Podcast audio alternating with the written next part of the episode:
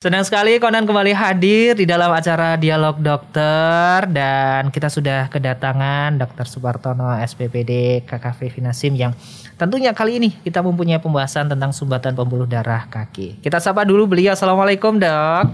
Waalaikumsalam warahmatullahi wabarakatuh. Jauh-jauh dari Kudus nih ya dok ya. Apalagi ada proyek perbaikan jalan ini ya harus lebih bersabar gitu ya. Proyek aja uh, harus bersabar apalagi mungkin pasien. Pernah juga pasien ada yang rewel gitu nggak sih dok? Ya namanya orang ya tipikal ya kan beda-beda beda-beda ya, ya. tapi gimana kalau pengalaman dokter Supartono sendiri? Selama ini yang uh, apa namanya ada namanya pasien gitu kan ya. Pinginnya cepat sembuh gitu tapi fasenya belum ke arah situ maksudnya dalam arti masih pengobatan berjalan gitu. Gimana sih yang biasanya dilakukan dokter Spartono sendiri? Ya masing-masing orang itu kan punya tipikal yang beda-beda ya. Hmm. jadi ya ada yang nggak sabar ada uh -huh. yang sabar ya. Atau yang seperti itu ya kita jelasin aja bahwa proses penyembuhan itu kan butuh waktu. Waktu. Ya. Edukasi tetap iya, ya dok ya. Oke. Okay. Tidak seperti iklan di TV kalau panas demam kasih termorek langsung turun ya. Ini loh, yang kadang juga uh, saya pribadi itu juga menjumpai gitu kan. Tapi alhamdulillah saya secara pribadi ya dok dengan uh, apa namanya adanya dialog seperti ini, tambah ilmu, tambah edukasi hmm. dan juga monitor dai sangat berterima kasih untuk uh, PABDI ini sendiri menghadirkan tiap Rabu malam dengan edukasi-edukasi jadi tambah ngerti. Ternyata kalau kita ngerasa sehat itu belum tentu sehat ya, Dok ya. Iya. itu yang sering kali saya jumpai pertanyaan seperti iya, itu, Dok. Karena sehat itu kan uh, dimensinya kan nggak cuma sehat secara fisik tapi mm -hmm. juga psikologis juga psikologis ya. juga ya orang sehat belum tentu psikologisnya sehat oke okay, dan uh, untuk pembahasan kali ini gimana di dok maksudnya karena uh, ada suatu kata yang di mana uh, kita harus juga uh, samain pro, uh, persepsi dulu yang dimaksud kaki itu sebenarnya kalau dari kedokteran sendiri sebenarnya kaki itu batasnya dari mana ke mana sih dok?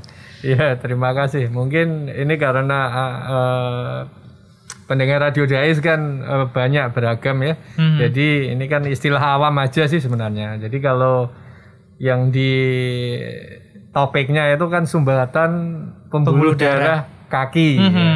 Jadi sebenarnya kalau kita bilang kaki aja itu dari pergelangan pergelangan kaki itu mm -hmm. pergelangan sampai ke jari-jari ujung jari mm -hmm. ya. Tapi kalau mungkin yang dimaksudkan pada judul ini adalah uh, ekstremitas bawah ya kalau dalam kedokteran yang meliputi tungkai atas, mm -hmm. itu paha, paha, dan okay. tungkai bawah daerah betis, betis kemudian okay. kaki itu sendiri. Hmm. Jadi kalau dalam istilah kedokteran ya uh, lower extremity. Oke. okay. Dan untuk monitor dice nanti kalau nanya, wah berarti sumbatannya yang boleh ditanyakan kaki aja nih. Padahal okay. uh, eh, nanti kalau ada yang nanya sumbatan yang lainnya, uh. boleh ya dok ya? Iya boleh. Biasanya okay. berhubungan. Berhubungan. Oh terkoneksi yeah, berarti ya satu dengan yang lainnya. Yeah. Oke. Okay. Pembuluh darah prosesnya sama sebenarnya. Oke okay, dok, uh, bisa diceritakan dulu rata-rata uh, atau mungkin uh, pasien yang mengalami penyakit tersebut itu biasanya karena faktor apa sih dok? Ah, ya mungkin saya awali dulu ya, jadi hmm. biar lebih jelas para pendengar. Jadi uh, sumbatan pembuluh darah pada uh, ekstremitas bawah gitu aja ya, ekstremitas hmm. bawah. Jadi mulai tungkai atas sampai ke kaki ya, tungkai atas, tungkai bawah, kaki. Jadi uh, yang dimaksud itu pembuluh darah itu kan ada dua ya. Kalau ya pembuluh yang ada di kaki itu sih pembuluh darah sama pembuluh limfe. Yang pembuluh darah ini yang kita bahas itu sebenarnya kan ada pembuluh darah arteri, ada pembuluh darah vena. vena. Uh, dua-duanya bisa mengalami masalah, masalah uh, sumbatan yang tentunya uh, akan berbeda uh, gejalanya dan penanganannya juga berbeda. Jadi kalau pembuluh darah kaki uh, yang tersumbat misalkan pembuluh darah arteri yang mungkin uh, yang akan lebih kita bahas di sini Ya, pembuluh darah arteri yang di tungkai atas, tungkai bawah maupun kaki itu kalau kita simpelkan dengan ekstremitas bawah, anggota gerak bawah ya. Mhm. Itu karena ada pembuluh darah kan mulai dari kalau dari tungkai atas itu kan mulai dari arteri arteri femoralis istilahnya arteri femoralis itu ada dua cabang ya yang superficial itu yang agak ke tepi yang dalam namanya profunda. Jadi arteri femoralis kemudian dia melanjut sampai ke daerah lutut. Lutut. lutut itu eh, namanya di situ arterinya arteri poplitea. Nah, jadi di bawah lutut itu nanti ada percabangan, percabangan arteri menjadi dua dulu yaitu arteri tibialis anterior yang dia memberi makanan ke daerah bagian depan tungkai dan kaki, kemudian tibialis posterior. Lah, tibialis posterior itu yang nanti bercabang menjadi arteri peroneal sama melanjutkan diri sebagai tibialis posterior yang akan sampai ke daerah eh, kaki yang bagian bawah ya. Hmm. Jadi apa ya istilahnya plantar pedis, plantar pedis itu telapak ya, Telapak ya. kaki ya, di situ.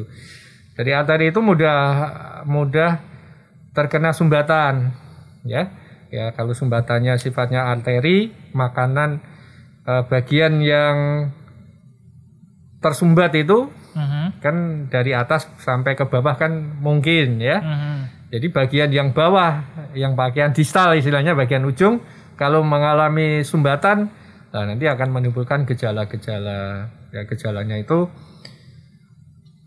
eh, gradasinya bermacam-macam. Ada yang ringan, ada yang sedang-sedang saja, ada yang berat. Kalau yang ringan biasanya kakinya kalau untuk jalan eh, mudah kram, Mhm. mudah sakit. Nah, itu kalau sampai berat bisa sampai timbul eh ini ya, eh, luka ya, luka di kaki menghitam. Kadang kalau kita yang sering banyak itu luka kok nggak sembuh-sembuh. Nah, itu terutama pada penderita dengan faktor risiko diabetes. DM Itu yang paling sering kena sumbatan kan orang-orang diabetes, orang-orang darah tinggi ya itu. Oke. Dan eh, kalau ngomongin eh, kaki terus luka, sakit, terus kadang ada orang berpikir kalau geringgingan, Dok.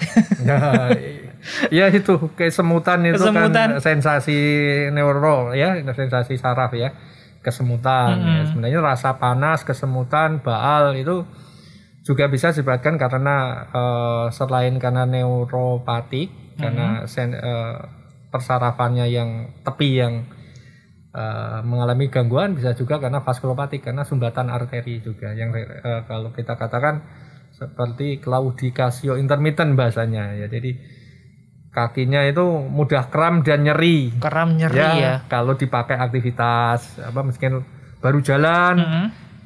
jalan kaki gitu naik tangga atau berlari sebentar terus terasa nyeri Itu Ya, dengan terus intensitasnya tinggi juga ya, Dok. Maksudnya gampang mudah itu atau sesekali atau gimana? Eh, tergantung derajat sumbatannya kan sumbatan kan ada yang sumbatan yang sebagian Mm-mm. atau parsial ada yang total. Kalau total kan kakinya nanti bisa menghitam. Wah, nah, tiba menghitam dari ujung-ujung tiba-tiba kok hitam. Nah itu. Itu kan nggak dapat makanan jadi mati jadi. Kan. Tapi kalau yang ringan-ringan ya tadi yang sumbatannya hanya sedikit ya. Mungkin kurang dari 60% kayak gitu ya mudah capek mudah lelah itu aja. Oke. Ya.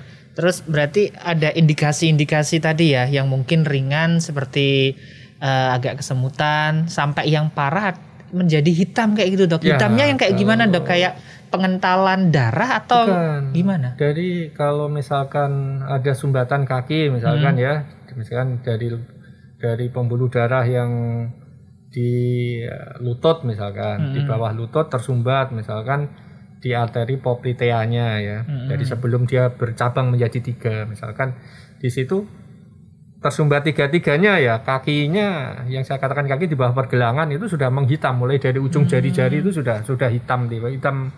Hitamnya kayak ya hit, hit- hitam.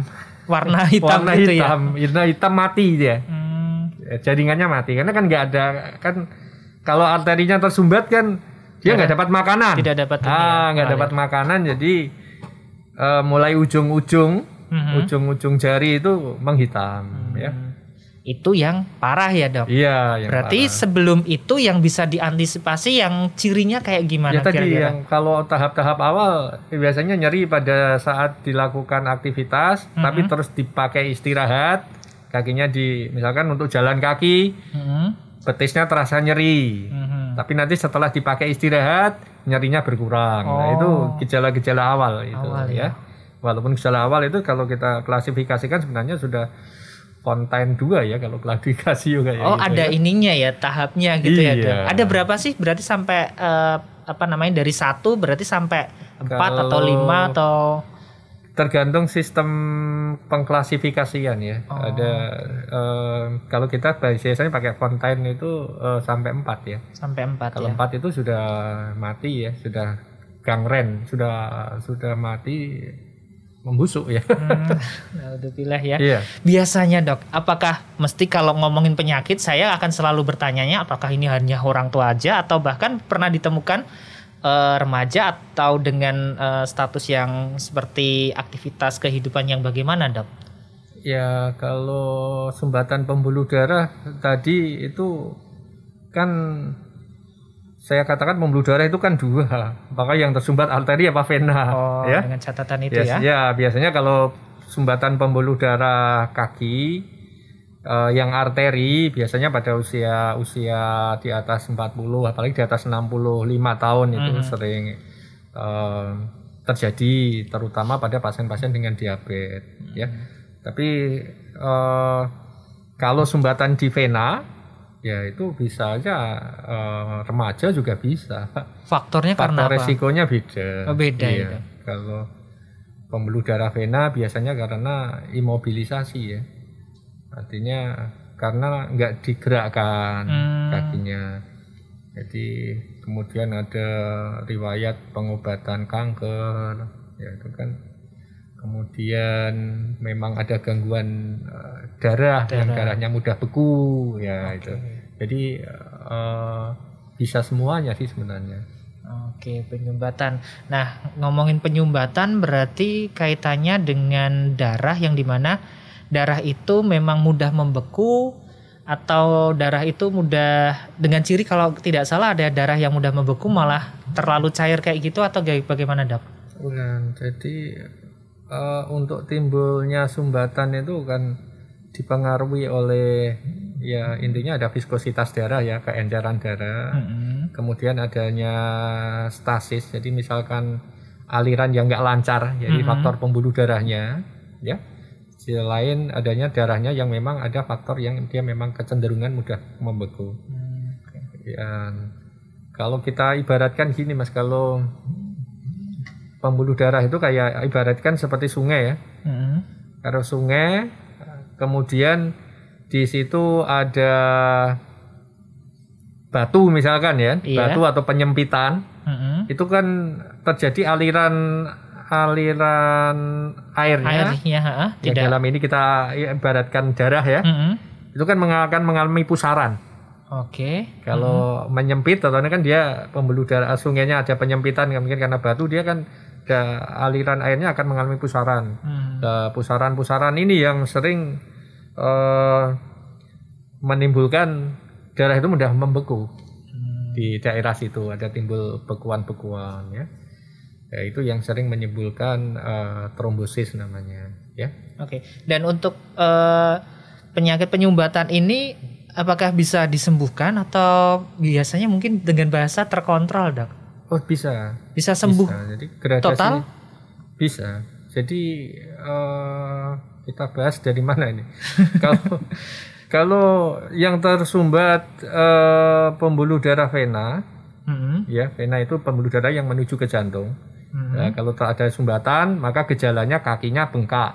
Enggak. Eh, Biasanya satu sisi ya yang kena sumbatan, misalnya yang kena sumbatan lutut, berarti di bawah lutut itu mulai jari sampai ke arah lutut terjadi pembengkakan. Hmm. Nah, kalau pembuluh darah vena yang di situ maka diberikan obat untuk menghancurkan bekuan darah tadi itu sumbatannya. Sumbatannya biasanya kan trom, eh, trombus ya, bekuan darah lah. Pembekuan darahnya itu yang diatasi bisa dengan obat, bisa dengan teknik operasi trombektomi namanya. Nah, tapi kalau yang tersumbat adalah arteri, Hmm. arteri yang kena ya tergantung dia namanya pesumbatan arteri itu ada banyak istilah ya dia apakah dia critical critical limb ischemic artinya sumbatan yang kritis ataukah sumbatan yang akut. Ya nanti pengelolaannya beda. Jadi kalau yang akut limb ischemic itu kan mengancam kematian organo ya eh, ekstremitas ya kaki ya. Oke. Nah, itu harus segera dilakukan apakah dia eh, dengan obat-obatan yang pengencer darah ya Hmm. tentunya. Kemudian dilakukan imaging dulu diperiksa apakah ini benar-benar sumbatan apa enggak, eh, lokasinya di mana itu ada beberapa teknik pemeriksaan yang bisa dipakai misalkan dengan menggunakan ultrasonografi. Jadi di USG, Hmm. USG vaskular namanya. Eh, kita lihat arterinya ini mana yang titik sumbatannya di mana. Atau atau menggunakan eh, cara invasif yaitu dengan arteriografi. Jadi di arterinya itu dikasih kateter, kemudian difoto.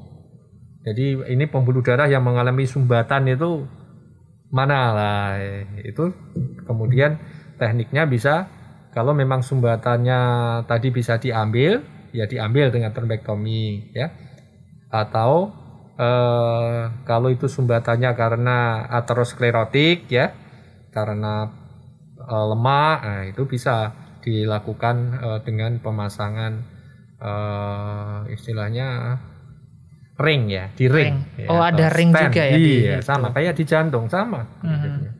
Fungsinya dari ring itu untuk eh, apa dok? Mengalirkan darah atau sebagai apa nih Ya, biasanya? eh, ring itu fungsinya kan penyangga. Penyangga ya. Jadi pembuluh darah yang sepi dipasang ring, ringnya dikembangkan sehingga eh, lubang pembuluh darahnya itu menjadi lebar, Oh, sehingga aliran darahnya lancar. Lebih lancar Dari- lagi ya. Dari jantung ke tepi itu bisa berjalan baik dan karena darah itu kan yang di arteri kan fungsinya untuk memberikan makanan. Hmm. Nah, makanan ke daerah organ kaki, Kaki. di bawah. Heeh. Dan untuk sumbatan eh, pada kaki ini dampaknya eh, sampai yang bagaimana dok? Kalau ibaratnya tidak tertangani atau bahkan mungkin eh, apa namanya tidak diketahui untuk bisa diobati dok? Oh, ya ini dampaknya memang kalau sumbatan arteri ya terutama ya itu dampaknya besar dalam arti tergantung kalau memang sumbatannya itu eh, kalau dari fontaine itu sudah fontaine 3 atau 4 ya itu kan akan meningkatkan risiko amputasi. Jadi kan banyak kakinya yang luka nggak sembuh-sembuh dipotong ya. Hmm. Kenapa lukanya kok nggak sembuh-sembuh pada diabetes? Ternyata arteri yang ngasih makanan ke daerah situ Dari situ. ada sumbatan sehingga lukanya lama nggak sembuh-sembuh. Akhirnya komplikasi ya akhirnya kan dipotong. Jadi risiko terbesar eh, sumbatan di kaki itu meningkatkan ini ya eh, angka amputasi. Oke. Ya kalau amputasinya pada usia muda itu kan usia produktif ya Mhm. ya kan kasihan dia untuk bekerja jadi mengalami eh, gangguan gangguan untuk Iya. aktivitasnya. Dan untuk mengantisipasi kalau ditanya nih dok, sebelum kejadian yang tidak diinginkan itu terjadi, apa kalau dari dokter Supartono sendiri eh, apa namanya infokan edukasi kepada masyarakat? Nah, udzubillah bisa eh, ke tahap itu. Dalam artian kalau bisa terutama mungkin para remaja itu mengkonsumsi atau pola hidup yang seperti apa. Olahraga pun sebenarnya yang dianjurkan yang seperti apa. Terus untuk para lansia apa yang bisa direkomendasikan? Iya eh, terima kasih Mas Konan. Jadi eh, begini ya sumbatan pembuluh darah pada kaki itu kan tidak tiba-tiba terjadi sumbatan ya. Iya. Ya, kan mesti ada faktor resiko faktor resiko yang ada yang eh, menyebabkan terjadinya sumbatan. Mhm. Nah, faktor resiko terjadinya sumbatan arteri itu banyak, mulai yang orang yang rokok.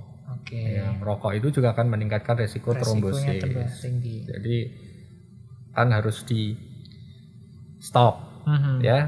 Kemudian yang kedua adalah eh, yang terbanyak adalah eh, faktor risiko karena penderita kencing manis atau diabetes. Oh iya. Ya, orang diabetes akan menyebabkan komplikasi jangka panjang salah satunya adalah pada kaki yaitu kerusakan pembuluh darah kaki yang bisa menimbulkan sumbatan tadi yang namanya misalnya mak- komplikasi di makrovaskular ya.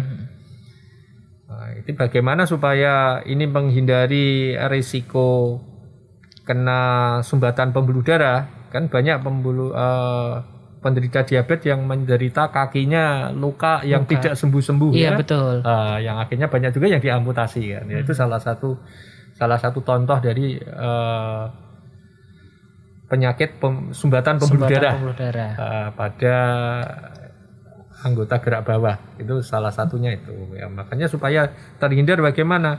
Ya lakukan pengobatan kencing manis eh, secara benar. Lah, pengobatan kencing manis secara benar itu yang bagaimana? Ya bagaimana dia bisa mengelola eh, pola makannya.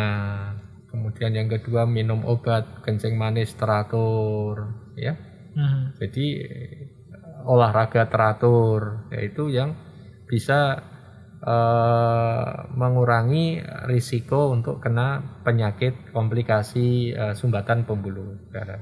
Yang ketiga darah tinggi. Mhm.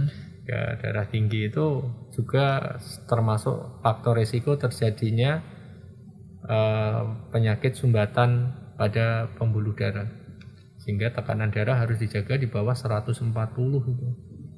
Supaya risiko terkena komplikasi vaskulernya minimal ya.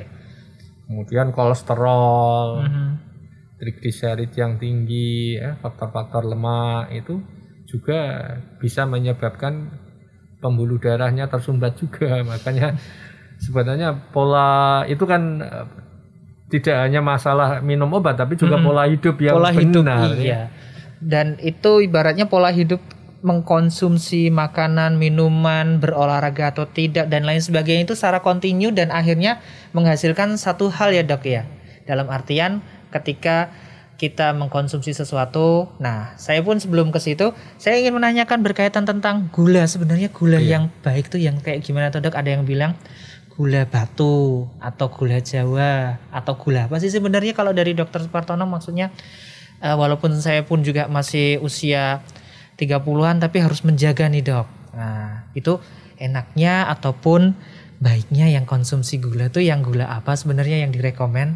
Ya sebenarnya sama aja namanya gula ya. Gula Sama itu kalau ya? secara kimia kan ada eh, glukosa Mhm. itu kemudian ada fruktosa itu gula yang ada di apa eh, buah-buahan Ah. ya. Kemudian kalau gula yang kompleks seperti kayak galaktosa, tapi semuanya sama. Yang yang sering menyebabkan itu kan kadar gula darahnya yang enggak tinggi yang itu eh, akan merusak ya jadi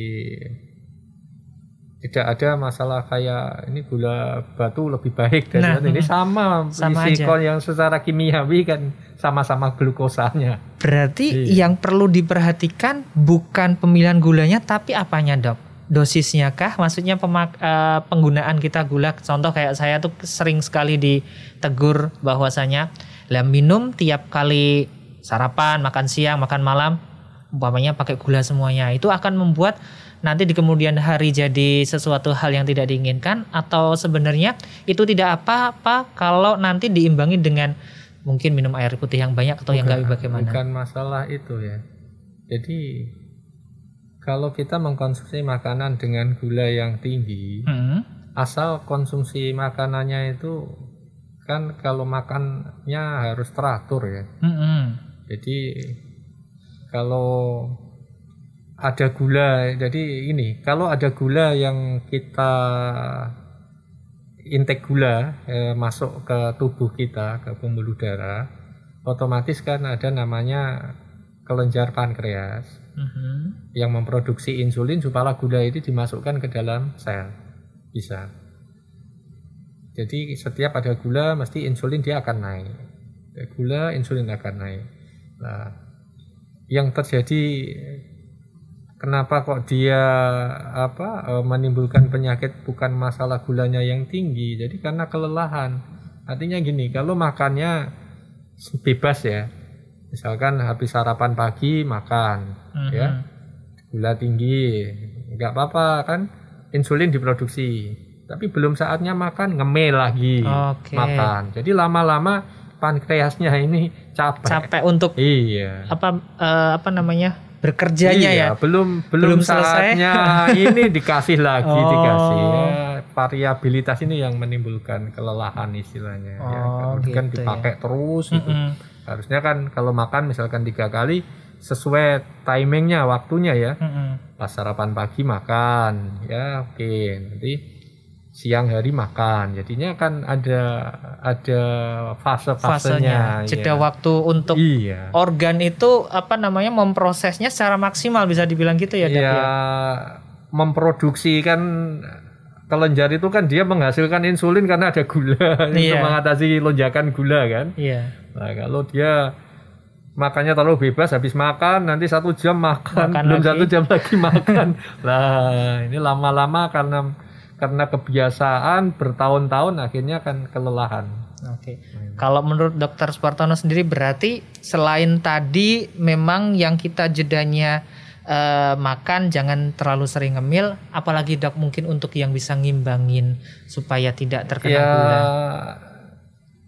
kalau supaya nggak terkena itu kan namanya ada ini ya faktor resiko ya faktor resiko itu bisa yang dicegah bisa yang enggak. Yang kalau yang kan diabetes itu salah satu faktor adalah genetik. Hmm, ya. Oke. artinya kalau kita orang tua kita salah satunya penderita diabetes mungkin kita mempunyai resiko yang lebih tinggi Lebih untuk kena. tinggi ya. tapi tidak semua anaknya ya mesti akan kena, kan? Ya tergantung pola hidup juga nah, kalau dia makannya baik mengatur makanannya kemudian olahraga teratur ya insya Allah resiko itu akan berkurang Kurang ya, lebih gitu. kecil lagi iya ya. Oke.